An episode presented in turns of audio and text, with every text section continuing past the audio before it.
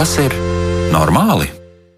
Esiet sveicināti, kā ik svētdienu esam klāt, lai jautātu, vai tas ir normāli. Studijā Kristiāna Lapiņa pie skaņa pults Kristaps Eida. Šis ir raidījums par psihisko veselību, par to, kā dzīvojam, kāda kvalitāte ir mūsu dzīvē, un mēs uzdodam jautājumus tieši par to, mēģinām saprast, kā tad mums tikt galā ar dažādu veidu izaicinājumiem. Arī jūs aicinām iesaistīties, sūtiet savas pārdomas, atziņas, idejas un arī jebko, ko gribat pateikt uz raidījuma elektronisko pasta adresi, vai tas ir normāli normāli at Latvijas radio.lv. Noteikti varat sūtīt arī kādu ziņu mums eh, Latvijas radio mājaslapā, atrodot raidījumu, vai tas ir normāli ziņojumu logu un klausīties arī paralēli tiešraidē, ko tad mēs runājam. Raidījuma temats šodien būs attiecību veidošana. Mēģināsim atrast kritērijus ideālā partneru izvēlei un kā tad izvēlēties īsto partneri, vai tas vispār ir iespējams un kādas ir biežākās problēmas attiecību veidošanā tieši saistībā ar šo. Un uh, esam aicinājuši arī viesus viesus, eh, viesos virtuāli. Pie mums ir ģimenes psihoterapeita Aina Poiša. Sveicināta! Labvakar! Un arī ārste psihoterapeita Maija Kārkliņa. Sveicināti! Sveiki, labvakar! Nu, ir tā, ka attiecību veidošana laikam ir cilvēka dabā. Droši vien nav populārāku grāmatu par tām, kuras mēģina paskaidrot, kā tad izvēlēties partneri vai kā veidot dzīvi. Un lielākā daļa no mums dzīves laikā vairāk kārt veido attiecības. Reizēm partneri mainās, dažos gadījumos cilvēki, kuri viens otru ir atraduši, paliek kopā uz mūžu. Tomēr tas izrādās ir retums. Statistika ir nepielūdzama. Skaitļi ziņo, ka vismaz puse no reģistrētajām attiecībām dažādu iemeslu dēļ beidz pastāvēt. Vidēji pēc 13 13,3 gadiem. Iespējams arī, ka pievienojot datus par nereģistrētajām attiecībām, skaitlis būtu lielāks. Nu, šoreiz pētīsim, kas ir biežāk sastopamie šķēršļi partneru izvēlē vai arī varbūt kritēriju ziņā, un kas tad varētu būt par iemeslu tam, ka tās attiecības, kuras mēs izveidojam, reizēm beidzas tik ātri. Vai mēs kļūdāmies partneru izvēlē? Varbūt mēs arī idealizējam attiecības, bet varbūt patiesībā mums nemaz nevajag būt kopā ar kādu. Lai nu kā būtu, mēģināsim noskaidrot, kas attiecībās ir vai nav normāli un dosimies ideālā partnera meklējumos. Un pirmais jautājums man būs Ainai Poišai. Tad eh, kāpēc vispār cilvēki veido attiecības? Jo, nu, sevišķi tad, kad viņi ir ļoti jauni, viņi to dara ārkārtīgi aktīvi, bet arī visu turpmāko dzīvi cilvēki to dara. Kāpēc vispār mums vajadzētu attiecības? Nu, man šķiet, ka otrs cilvēks mums ir ļoti vērtīgs spogulis, kurš palīdz mums uh, ieskatīties, kā mums otrs atspoguļo mūs. Tā vairs nav mamma, tas ir pieaudzis cilvēks, un mēs varam kopā augt šis ir vienīgais piemērs, ko es varu sakarīgi pateikt par ideālā partneru meklēšanu. Spogulis tas ir, bet tas spogulis nevienmēr rāda to, ko mēs gribam redzēt, un līdz ar to sākās arī problēma. Un, ja jau mēs gribētu tik ideāli dzīvot, es domāju, viennozīmīgi pēdējā laikā bieži izskan doma, mīļie, tas ir saprotams, ka mēs gribam atrast otru cilvēku, kurš mūs mīl un kuru mēs varam mīlēt, bet Pamēģiniet, varbūt iemīlēt sevi vai mazliet nobriest vairāk, lai tiešām varētu saprast, kurš cilvēks tev ir derīgs kopīgam, nopietnam projektam nākotnē. Un tas nevienmēr izdodas tik labi, kā mēs gribētu, jo zināšanas jau nevienu nedara laimīgu, bet principā jau mēs uh, tiecamies pēc laimīguma sajūtas.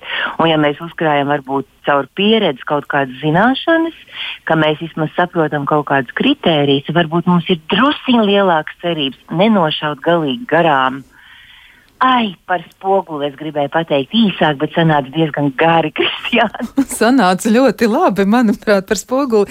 Tiešām ļoti labs salīdzinājums, bet, nu, rekā ir 13,3 gadi, tas nav viss mūžs, tas ir, nu, tā, tā ir daļa no mūža, un kā tas nākas, nu, ka tik daudz cilvēku tomēr kļūdās, un izskatās, ka puse un pat mazliet vairāk, jo mm, e, dati Eiropā un arī par Latviju liecina tieši šādu tendenci, un izskatās, ka tur nekas tā īsti nemainās mainās. Aina, varbūt vēl ir komentārs arī par šo, nu, kāpēc tas skaitlis ir tik ļoti liels?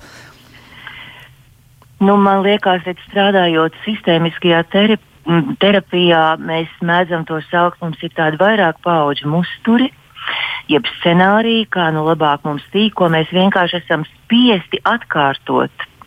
Vai mēs esam spiesti veikt kaut kādu tādu stratēģiju, ko mēs neatceramies, ka mēs atkārtojam. Bieži vien tādas agrīnas laulības ir saistītas ar bēgšanu no vecāku ģimenes, jau no izcelsmes ģimenes, apliecināt, ka tu vari būt brīvs un neatkarīgs. Bieži vien tā ir ļoti liela mazvērtības sajūta, un pirmais cilvēks, kas tev ir ieinteresēts, liekas, viņš beidzot tev dos akceptu, jo tēvs to nav devis.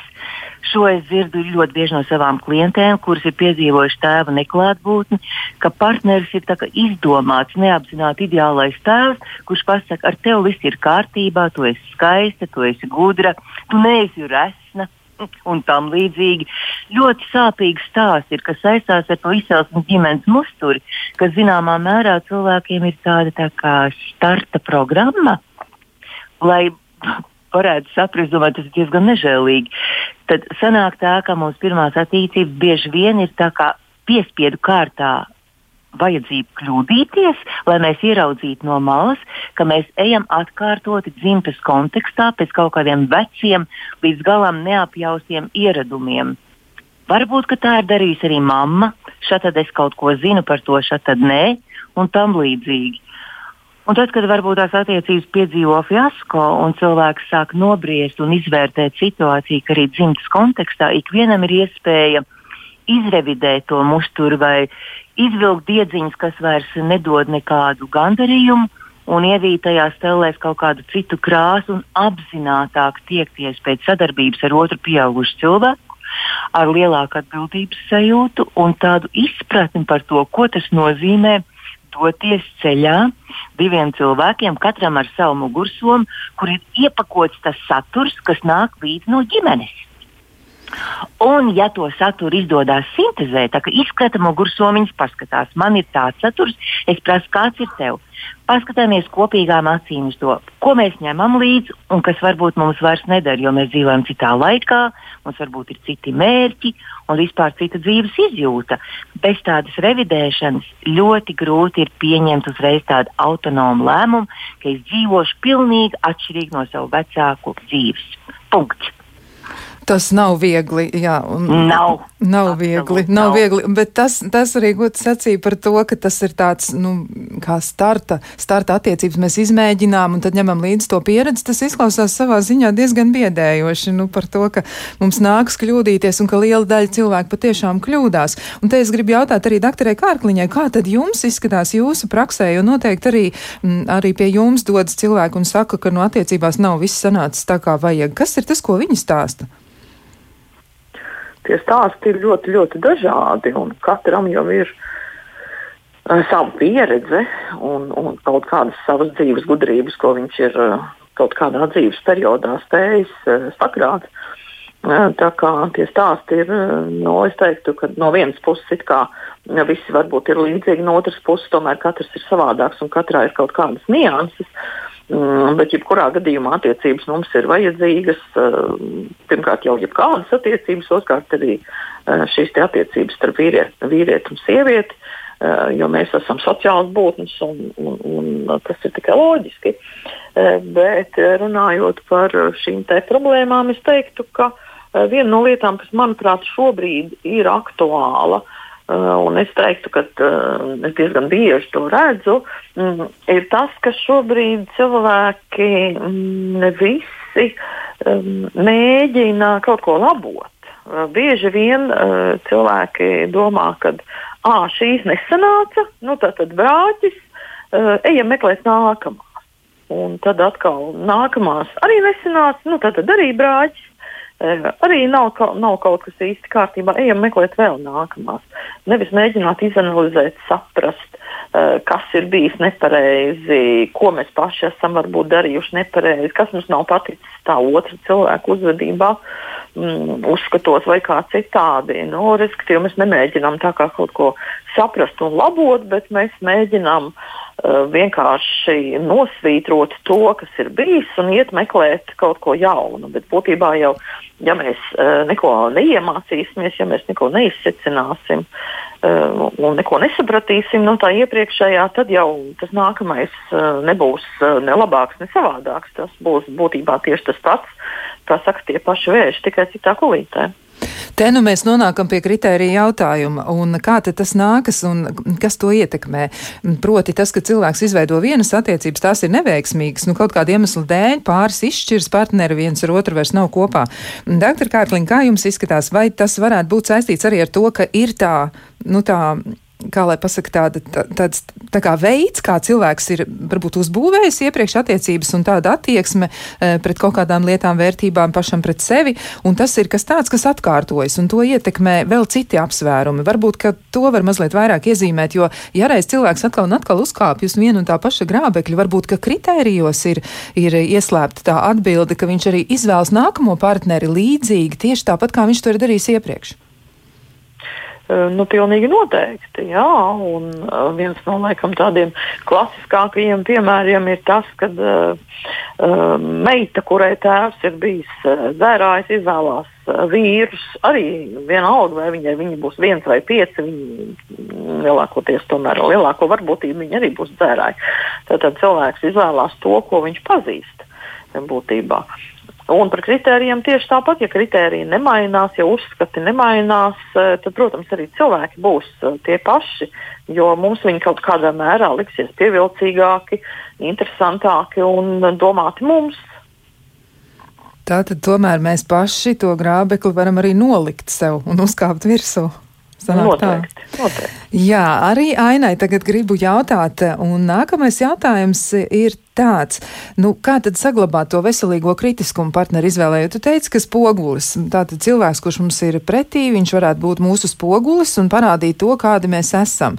Bet kā tad pašam saglabāt to kritēriju, nu, tādu veselīgu veselīgu izvēli, ka es nemēģinu veidot attiecības ar cilvēku, kurš varbūt ir ļoti līdzīgs kādam, kas man ir darījis pāri, bet kā dr. Kārkliņa teica, jā, to es pazīstu, nu, un tad es ar to arī spēju būt attiecībās. Bet kā tad izveidot to veselīgo kritēriju sarakstu? Nu, lai cik skumji tas nebūtu, bet reizēm tikai caur sāpēm mums izdodas pārdzimt. Ja mums vēl pietiek pacietības ieturēt pauzi, tas, ko mēs abi minējām, ir diezgan dīvaini, ja mēs sakām, skrejienā, tā kā patērētājs skrienam pēc jaunām lietām, mēs skrienam pēc jauna partnera, nepārdomājot un neizdarot kaut kādas atziņas no tā. Ja, piemēram, notiek fiasko pirmajās nopietnējās attiecībās, un uh, gribas varbūt. Uh, un nepieciešams reizēm ir pieņemt palīdzību no malas, kas palīdz saka, paskatīties uz to kopējo bildi un izdarīt kaut kādus secinājumus. Man ļoti bieži nāk saskarties ar sievietēm, kurām ir tāds upura domāšanas sindroms, kurām tiešām ir ļoti svarīgi būt ļoti labām censties izdabāt tādā samierināšanās javā, mīcīties nemitīgi, jo viņas nekad nejūtās drošas par savu vērtību. Un eh, tad, kad notiek šķiršanās, tad tā milzīgā sevis vainošana ir tāds milzīgs aizsargs. Kad tu domā, ko es vēl neizdarīju, nekā, ko mēs varētu norakstīt jā, uz, uz katrām zaudējuma sāpēm, bet šajās partnerattiecībās tas fiasko, man liekas, ir tieši tas spogulis, ka arī tā ir tava atbildība, ja tu funkcionē kā nepietiekama vērtīga personība, tad vienmēr būs kāds cilvēks, kurš to vienkārši izmantos. Tu nemanot provocē, lai uz taviem pleciem atkal uzgultos kāda nasta. Jo tu dod signāls, ka tu spēj rūpēties par otru vairāk nekā pati par sevi. Un tad man jāatcerās tā brīnišķīgā grāmata, kurai ir, manuprāt, jauns izdevums, sievietes, kas mīl par daudz.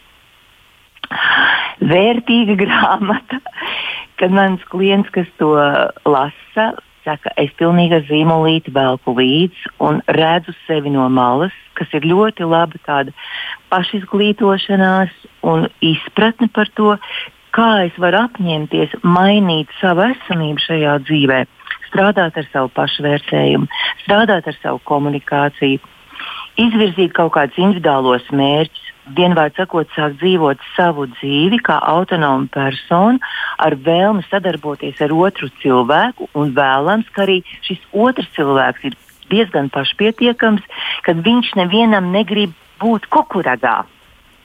Ka tie ir tādi līdzvērtīgi partneri, kur var savstarpēji viens otru atbalstīt, mīlēt, cienīt, draudzēties un izpildīt visas tās labās lietas, kas, manuprāt, tādos veselīgos kritērijos Nu, pirmais, kas nāk prātā, es gribu satikt cilvēku, kas pret mani izturās ar cieņu, kas respektē manas robežas, kurš ir labvēlīgs, laipns, pieklājīgs, ieinteresēts, kurš komunicē nevis izrādot vispirms sevi, bet kurš prot izrādīt interesi arī par otru, kurš prot uzņemties atbildību.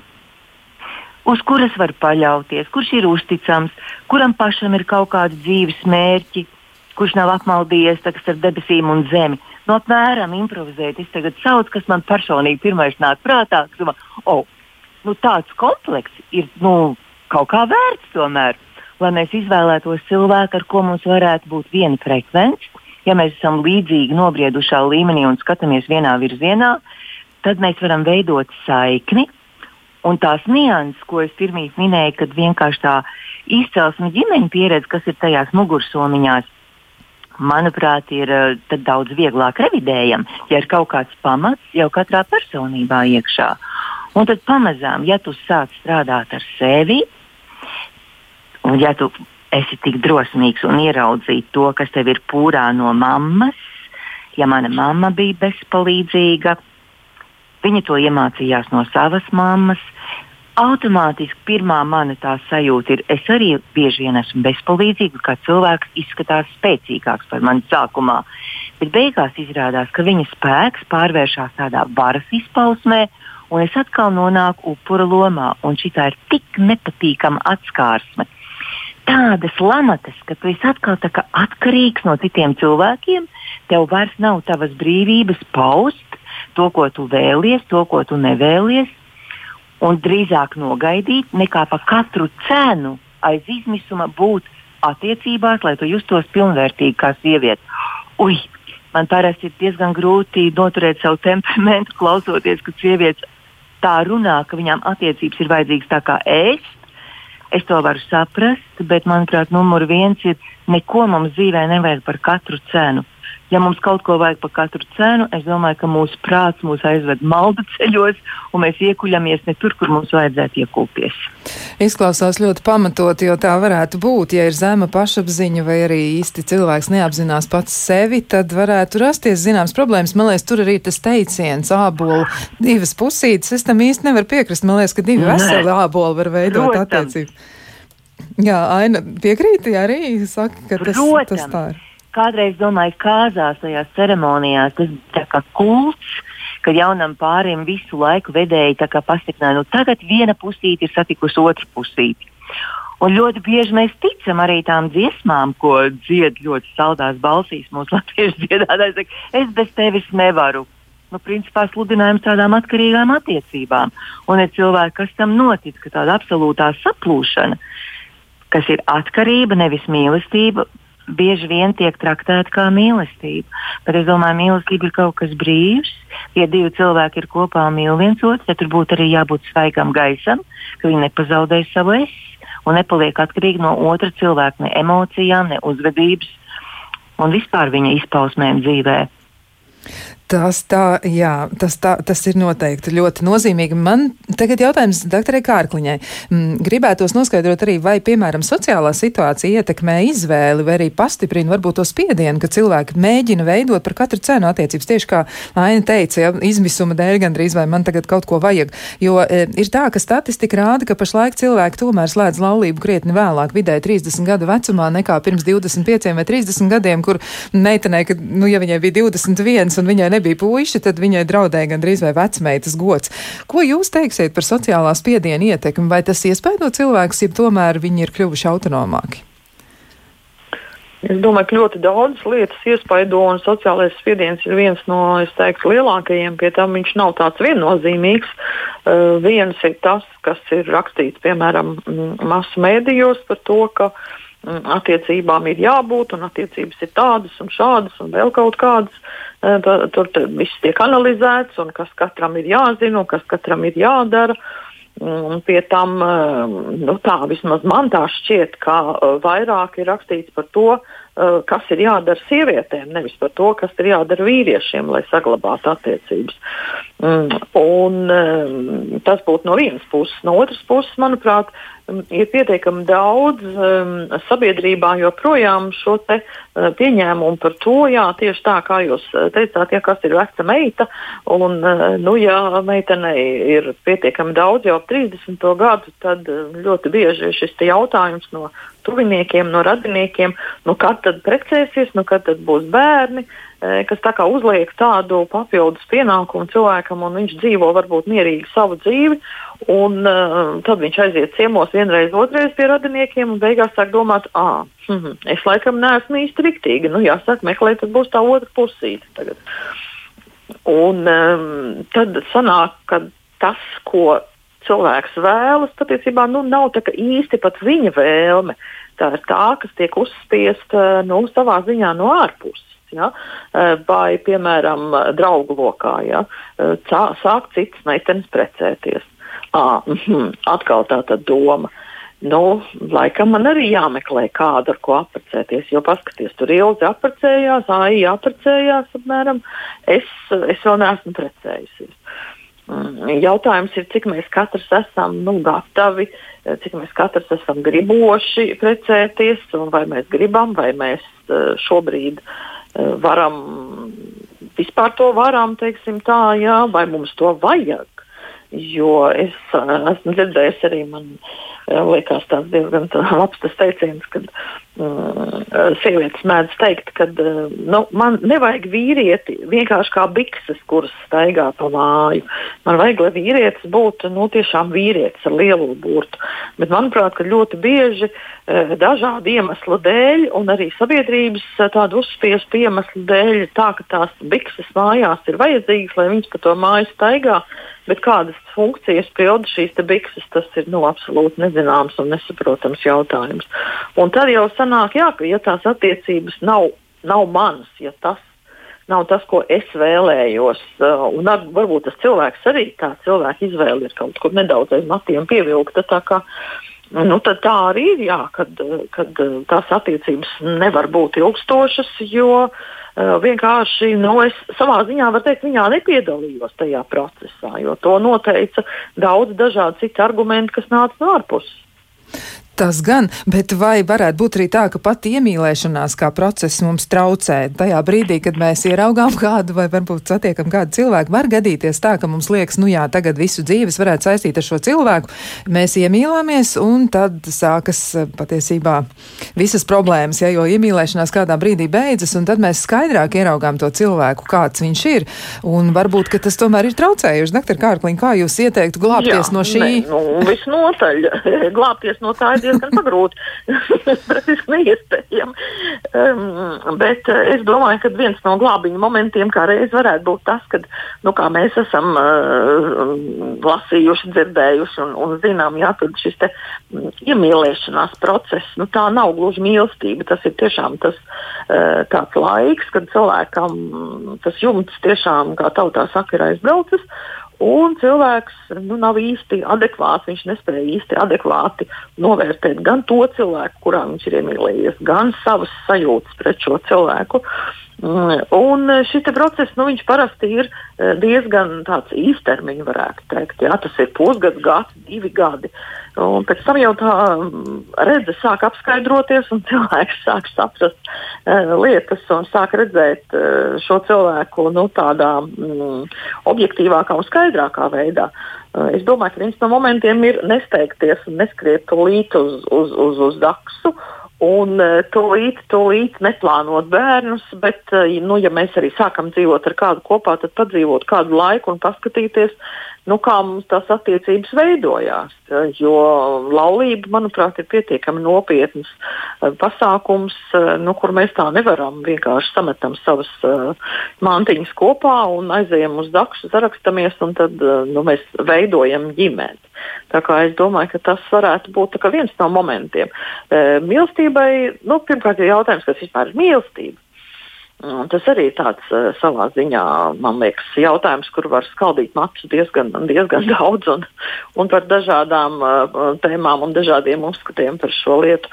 Uh, bet, ja mēs nu, pieņemam, ka ir tāda mīlestība un, un, un kad, ka viņi pastāv, tad, manuprāt, tie cilvēki, kas ir pārdzīvojuši šo mīlestību, kam viņi ir bijusi vai viņi ir šobrīd, uh, um, viņi, manuprāt, ir daudz eh, bagātāki, tīri emocionāli daudz bagātāki jo viņiem tas ir bijis. Jo ir arī cilvēki, kas nav piedzīvojuši mīlestību, un es domāju, ka mm, viņi visnotaļ ir zaudētāji tīri šajā, šajā emocionālajā ziņā, jo mīlestība tas ir kaut kas tāds, kas, uh, kas ir pāri, pāri visam, kas ir pacelājošs, kas ir tāds, kuras dēļ mēs esam nu, gatavi izdarīt gandrīz jebko.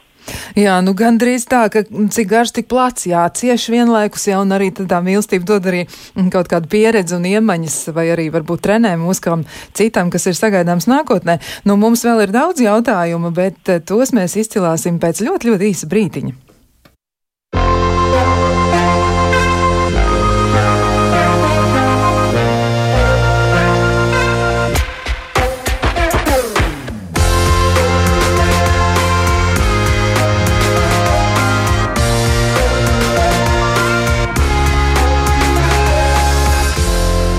Vai tas ir normāli? Šodien jautājam, vai tas ir normāli, ka neizdodas uzreiz atrast ideālo partneri, vai arī vai tas ir normāli, ka attiecības, kuras mēs izveidojam, reizēm arī nemēdz turpināties ilgu laiku. Mēģinām saprast, kā tas ir, bet uh, pirms mēs dodamies tālāk, gribu atgādināt arī, ka mēs atbildām uz jūsu jautājumiem. Jūs varat tos iesūtīt e-pastā, vai tas ir normāli at Latvijas radio.lv, un varat arī izmantot ziņojumu logu Latvijas radio mājaslapā. Un vēl noteikti man jāatgādina par pieteikšanos podkāstam, kur jūs varat to izdarīt tieši tāpat rakstot uz e-pasta, vai tas ir normāli at Latvijas radio.lv, un tad mēs ar jums sazināsimies, kad jūs būsiet uzrakstījuši, par ko vēlētos parunāties ar kādu no mūsu speciālistiem. Savukārt noklausīties jau ierakstītos podkāstus jūs varat Latvijas eh, sabiedrisko mēdīju mājaslapā, un tur noteikti atradīsiet sevi interesējošu tematu, kas varētu arī jums dot kādu ideju par to, varbūt, ka jūs paši vēlaties to apspriest, kas ir jūsu dzīvē aktuāli. Jau kāds ir bijis jau tik drosmīgs un ir dalījies ar savu pieredzi. Bet uh, turpinot turpinot mūsu sarunu. Gribētos arī vēl atgādināt, ka mūsu viesnes ir ģimenes psihoterapeita Aina Poiša un ārste psihoterapeita Maija Kārkliņa. Mēs mēģinām izpētīt, kā tad ir ar ideālā partnera meklēšanu. Man jautājums tagad būs Ainai, kā ir, vai varētu tā arī būt, ka, piemēram, Nu, tas izsaukums, ja, ko tu pieminēji, vai izmisums par to, ka es gribu par katru cenu izveidot jaunas attiecības, nu, tas varētu apmiglot eh, manas acis, tā teikt, bet eh, vai vēl ir kāds nopietns eh, iemesls, kāpēc var neizdoties atrast ideālo partneri? Varbūt patiesi ir kaut kas tāds, ko mēs ļoti cenšamies kompensēt, un tas var aizvest pie ļoti skaidras kļūdas nākotnē. Reizēm tie ir tādi priekšstati, Piemēram, meitenei ir bijis ļoti labs tētis ar zelta rokām, kuram nekas nebija jāsaka priekšā, kas jādara. Viņš pats visu redzēja, sajūt un izdarīja. Tagad viņai liekas, puisis kaut kādā veidā viņai liekas līdzīgs tētim, bet tad, kad iemīlēšanās rozā brilles nokrīt un sākās kaut kādas sadzīves grūtības, pēkšņi viņi ierauga, ka nē, viņam nav tās zelta rokas. Viņi varbūt gadiem ilgi lūdz viņam izdara man lūdzu šito, izdara man lūdzu šito, un viņš izvairās, izvairās, izvairās, jo viņam ir kauns atzīt, ka tas viņam īsti nesanāk un viņam arī nepatīk un sākās pirmā vilšanās. Šis bija tikai viens tāds triviāls piemērs, ka tas priekšstats, ko mēs nesam par ideālo partneri, reizēm mums arī sagādā ceļu uz elli, ka mēs ieraugam to aplausienu, ja tā var teikt.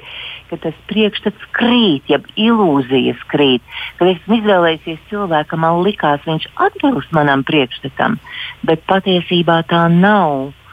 Un laikam nav tāda cilvēka, kas pelnīs Nobela prēmiju, kas izgudrot, oi, cik forši ir iemīlēties, visiem taču patīk tā sajūta, bet lai mums nebūtu tik ļoti izteikts rozātās brilles, ka mēs kaut cik reāli varētu saskatīt to cilvēku un nekalpot saviem priekšstatiem.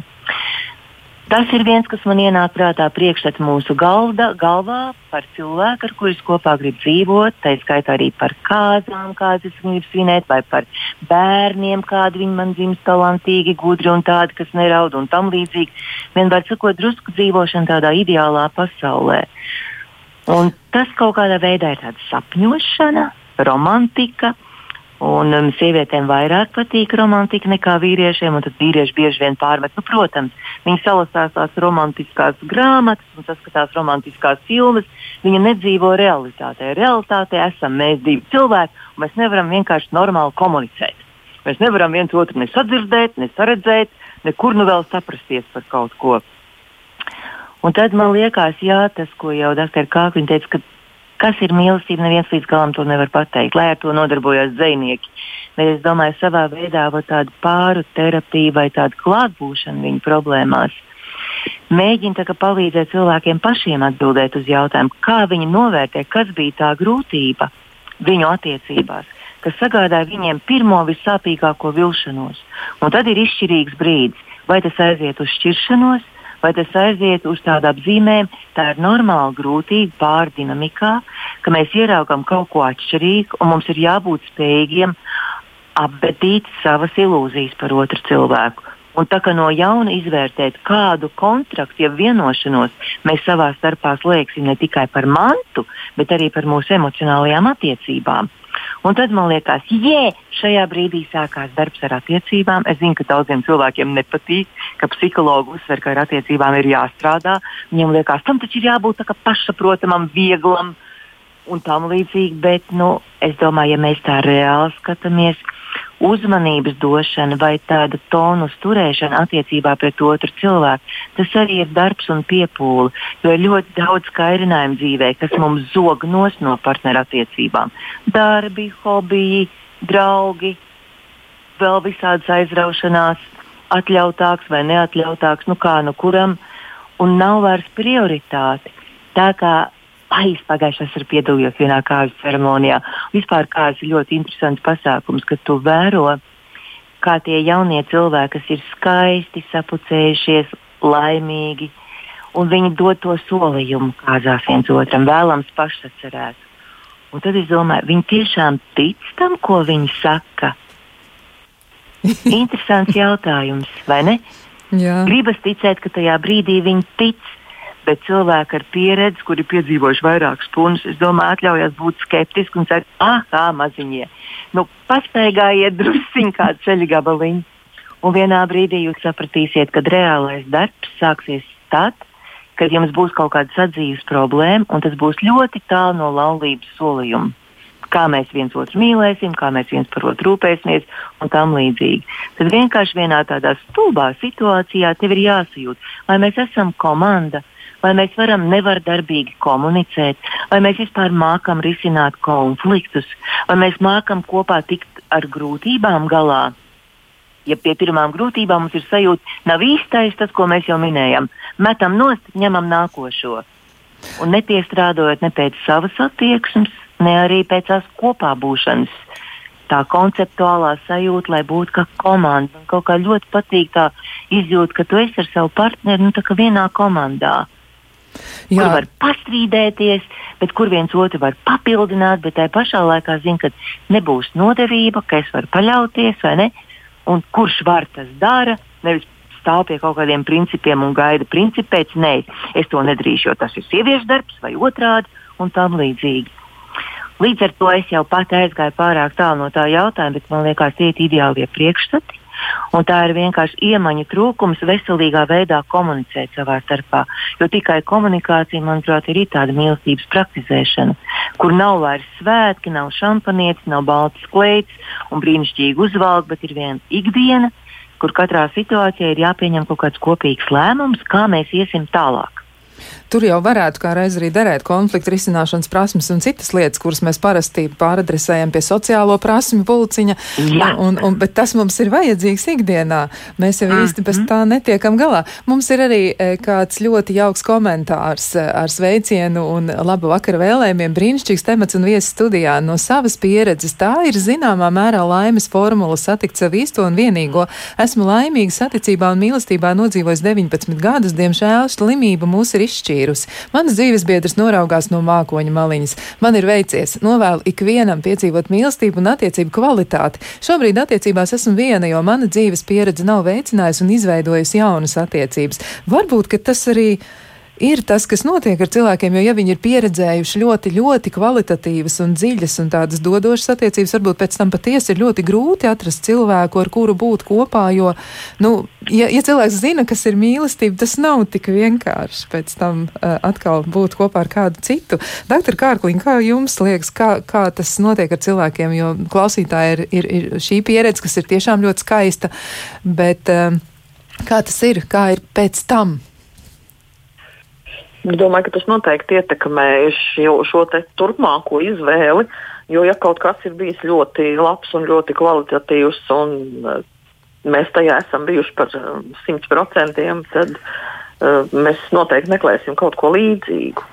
Un es domāju, ka uh, bieži vien ir tā, ka arī tāpat apkārtējo cilvēku pieredze, varbūt uh, draugi, paziņas, radinieki uh, Un tā tālāk, eh, skatoties, mēs redzam, ka tā pieredze nav pārāk pozitīva, un reizēm cilvēki pat arī nemaz nemeklē uh, vairāk nekādas attiecības, jo nu, tās attiecības liekas ir bijušas ideālas, vai arī varbūt tikpat labi, varbūt tas cilvēks, kurš, nu, šajā gadījumā, piemēram, es saprotu, vairs nav uz šīs uz šīs zemes. Uh, varbūt vēl ir arī kaut kādas jūtas pret to cilvēku palikušas. To arī mēs nezinām. Varbūt vienkārši uh, šis cilvēks vēl nav gatavs vispār kādas attiecības uzsākt un, un meklēt jebko.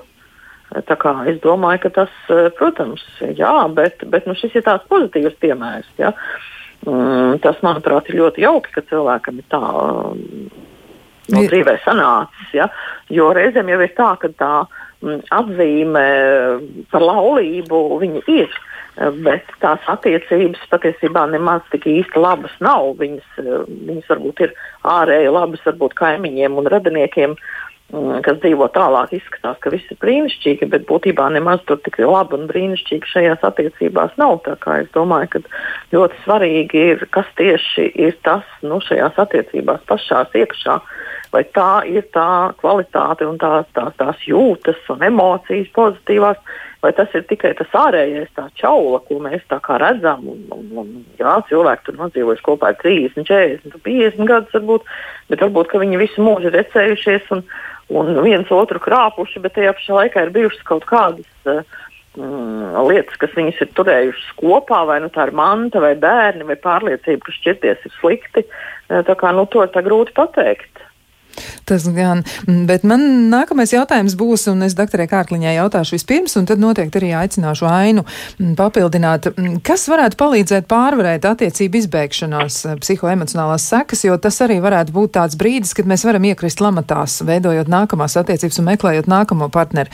Kā, kā mums tikt ar to galā? Jo tas nav viegls brīdis, nu paiet tie 13,3 gadi, pāris izšķiras varbūt pat ātrāk, un, un ir tā, ka vismaz viens noteikti bēdājas, nu lielā daļā gadījumā. Var jau būt arī, kā abi kādreiz vienojas, bet bieži tā nenotiek. Tad kā tikt galā ar to? Nu, kā, kā, kā tikt pāri tam grūtajam brīdim, lai pēc tam nu, neielektu nākamajās attiecībās, kā nākamajā vilcienā pārāk ātri? Doktor Kārkliņa. Jā, nu, tas atkal ir tāds diezgan, varētu teikt, šaubīgs jautājums visā šajā kontekstā, jo mm, kā jau mēs runājam, ja mēs neko nemainīsim, ja tās attiecības nav bijušas īpaši labas, tad, tad varbūt mēs tiešām ieliksim tajā pašā vilcienā, tikai citā vagonā. Uh, bet viens no momentiem ir, es domāju, izanalizēt, nu, vismaz mēģināt saprast, kas ir bijis tas, uh, kas uh, nu, ir veicinājis šo šķiršanos.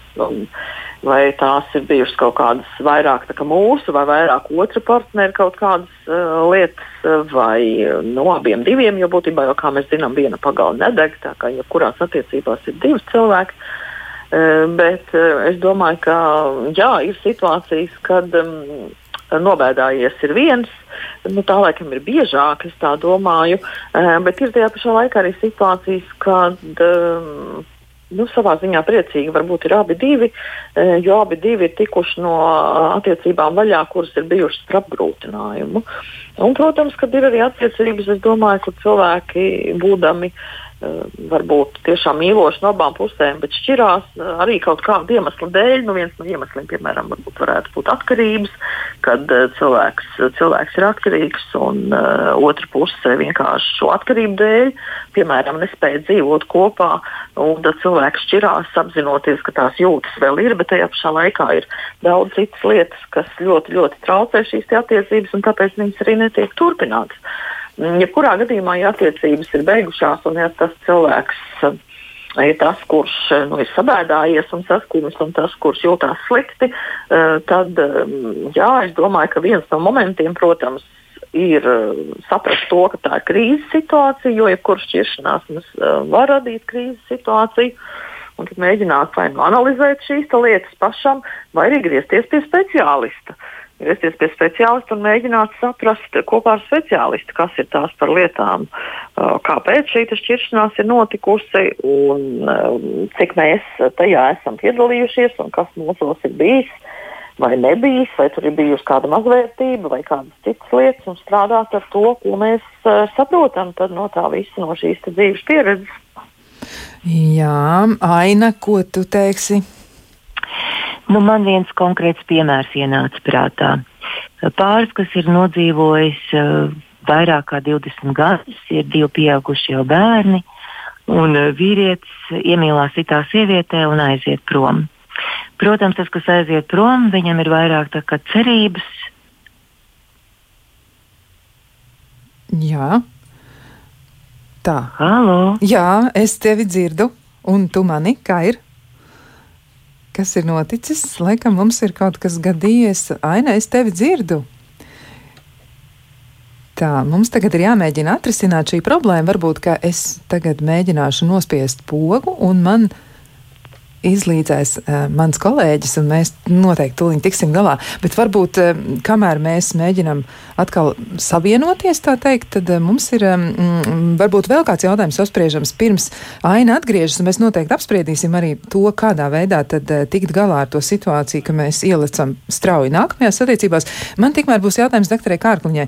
Mm, bieži vien attiecībās arī pastāv tā saucamais drāmas trīsstūris, ja, kas arī ir viens no iemesliem, kāpēc cilvēki ilgu laiku attiecībās beigās tomēr pavada to laiku, un pēc tam beigās saprot, ka nu nē. Viņiem tas īsti vairs nav pieņemams, un viņi ar to netiek galā. Tad eh, kā, kā, kā tikt galā ar, ar šīm lomām? Varbūt, ka to var nedaudz sīkāk raksturot. Nu, tad, kad viens partneris ir atradzis citu. Nu, vienalga var arī būt tā, ka tur jau ir noteikti arī citi iemesli, nu, ka mēs, nezinu, neesam vienkārši apmierināti ar to, kas ir, vai arī gribam otru pakļaut.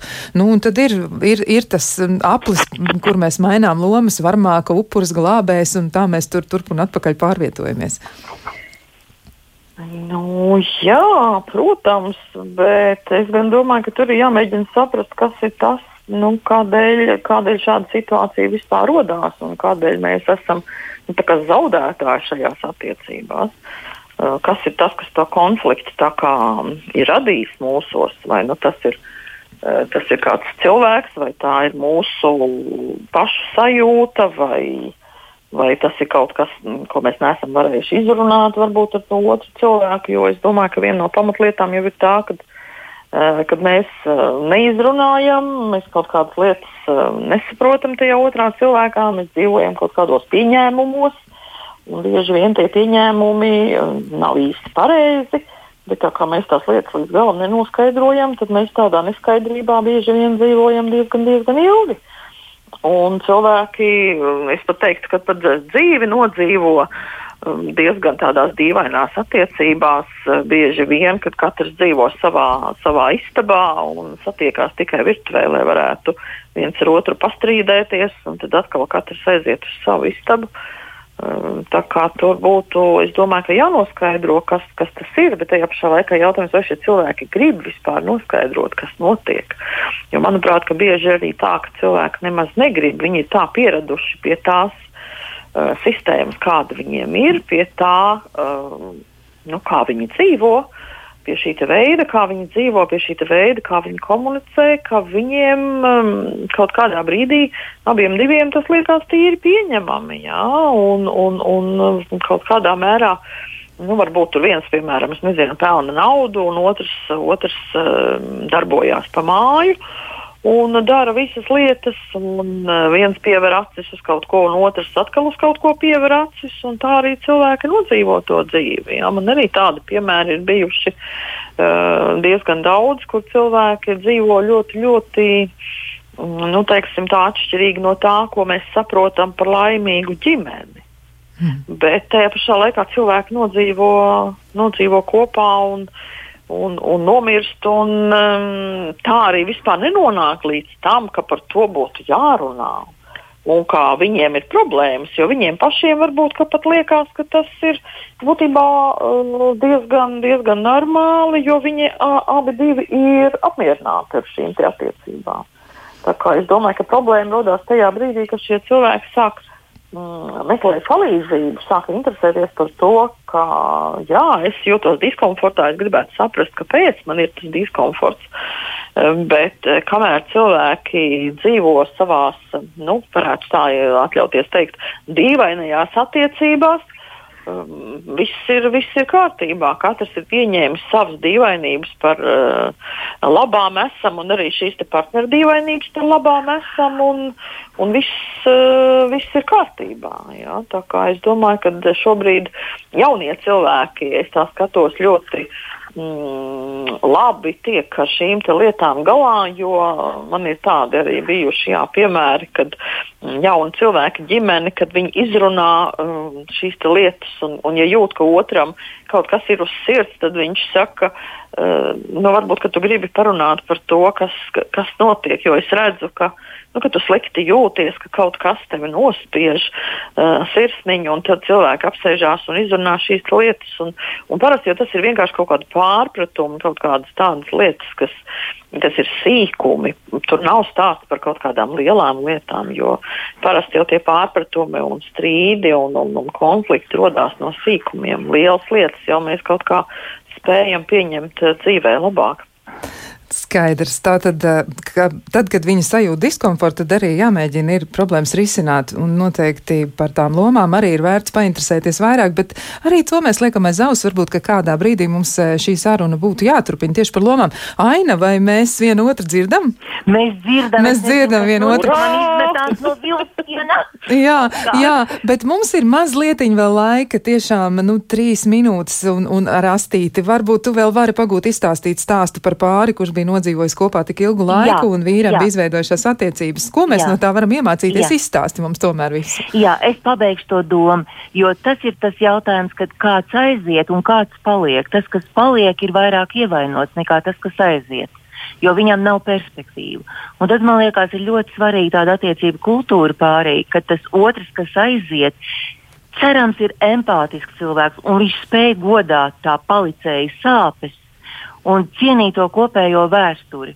Nepacelt asti gredzenā aiz tāda eiforiska kaifa, ka nu pat man sāksies jauna dzīve un es beidzot esmu brīvs, bet es domāju, 20 gadi, kaut vai 15 vai 10 gadi, tā ir milzīga pieķeršanās nu, pieķeršanās un saikne, tās arī ir tādas pat vērtības, tikpat spēcīgas kā mīlestība, kur mēdz mīlestība mēdz būt arī slima un sāpīga un, un ievainojoša un tam līdzīga. Bet tāda pieķeršanās un kopīgā vēsture, kur ir ikdiena, kur ir ēsta rupmaizīte, man liekas, tā ir vērtība. Un es ļoti cienu pie šķiršanās, ja pāri, kas šķirās, prot godāt otra cilvēka sāpes un pajautā viņam, kā es varu būt tev noderīgs, lai tev mazāk sāpētu. Tas varbūt izklausās ļoti ideāli, bet man liekas, uz to mēs ejam, jo mēs palīdzam arī cilvēkiem civilizēt izšķirties. Jo galu galā tāda labvēlība vienam pret otru, es saku, tieši tā godāšana un tā bērnu jautājuma lieta, kur lai cik ir pieauguši, bet viņiem vienalga tā ir ģimene. Šito mums visiem kaut kā vajadzētu apgūt lēnā garā nenoslaucīt ar asu slotu tikai tāpēc, ka attiecības ir iegājušas tajā ceļzīmē, kas saucās tālāk braukt, ir aizliegts. Visādi dzīvē mēdz būt, un kādreiz tas ir atrisinājums, bet turēties pie tā, ka katru bēdu var pārciest, ja to iekļauj tādā kopīgā stāstā, kur ir gan labas lietas, gan sāpīgas lietas. Nu, tā es gribēju teikt, ka es tiešām tajā pārī saskatu, ka tā sieviete savu bēdu cienīgi nes, bet vīrs izturās ar cieņu pret viņu. Un tā nav ne žēlošana, ne kaut kāda iekrišana upuru lomā. Viņi vienkārši lēnā garā piemērojās jaunajām attiecībām. Ai, un tas nav viegli, bet tas ir iespējams. Tas ir iespējams, tā ir labā ziņa, ka tas ir iespējams. Nu, tagad es no jums varētu varbūt eh, lūgt noslēguma vārdus, tādu uzmundrinājumu vai arī ieteikumu, nu kā to ideālo partneri tomēr sameklēt savā dzīvē. Kas būtu pats pats svarīgākais katram no mums? Aina, tu sāc un tad doktor Kārlīna piebilst. Oh. Kristiāna, es vispār neticu vārdam ideāls. es ticu iespējai, ka mēs varam satikt cilvēku, kas redz, kas dzird, kas atbild uz jautājumiem, ar kuru kopā es jūtos viegli, ar kuru kopā es varu smieties, ar kuru kopā es varu iet arī grūtībās iekšā. pilnīgi tā reāli ar kājām pie zemes, un tā pašā laikā ar tādu atbrīvotu sajūtu nu, un skatu nākotnē. Vat tur es saskatu kaut kādas veselīgas attiecības. Labi, to sarakstiņu tagad visi pieraksta, kuri mēģina veidot partneru attiecības, liekam to aiz auss. Un, doktor Kārkliņ, ko jūs vēl piebildīsiet? Es gribētu teikt, ka attiecībām būtu jābūt pietiekami labām, jo ideāls jau nav nekas šajā pasaulē, varbūt kaut kas, kas ir dabā. Tā kā attiecībām būtu tām, ko mēs meklējam, būtu jābūt pietiekami labām un partnerim būtu jābūt pietiekami labam. Bet man liekas, ka viena no tām pamatlietām būtu uh, tomēr um, tāda ļaušanās. Ļaušanās um, satikt cilvēkus, ļaušanās uh, kaut kādām attiecībām, uh, bez kaut kādiem striktiem, tādiem ļoti noteiktiem likumiem. Uh, vienkārši tā ar gaišu, optimistisku skatu skatīties uz cilvēkiem, un es domāju, ka tad gan jau īstais cilvēks atradīsies un īstais cilvēks pienāks klāt, jo mums būs mazāk to rāmju, kuros mēs mitināsimies, jo es domāju, mums arī tā izvēle atnāks vieglāk.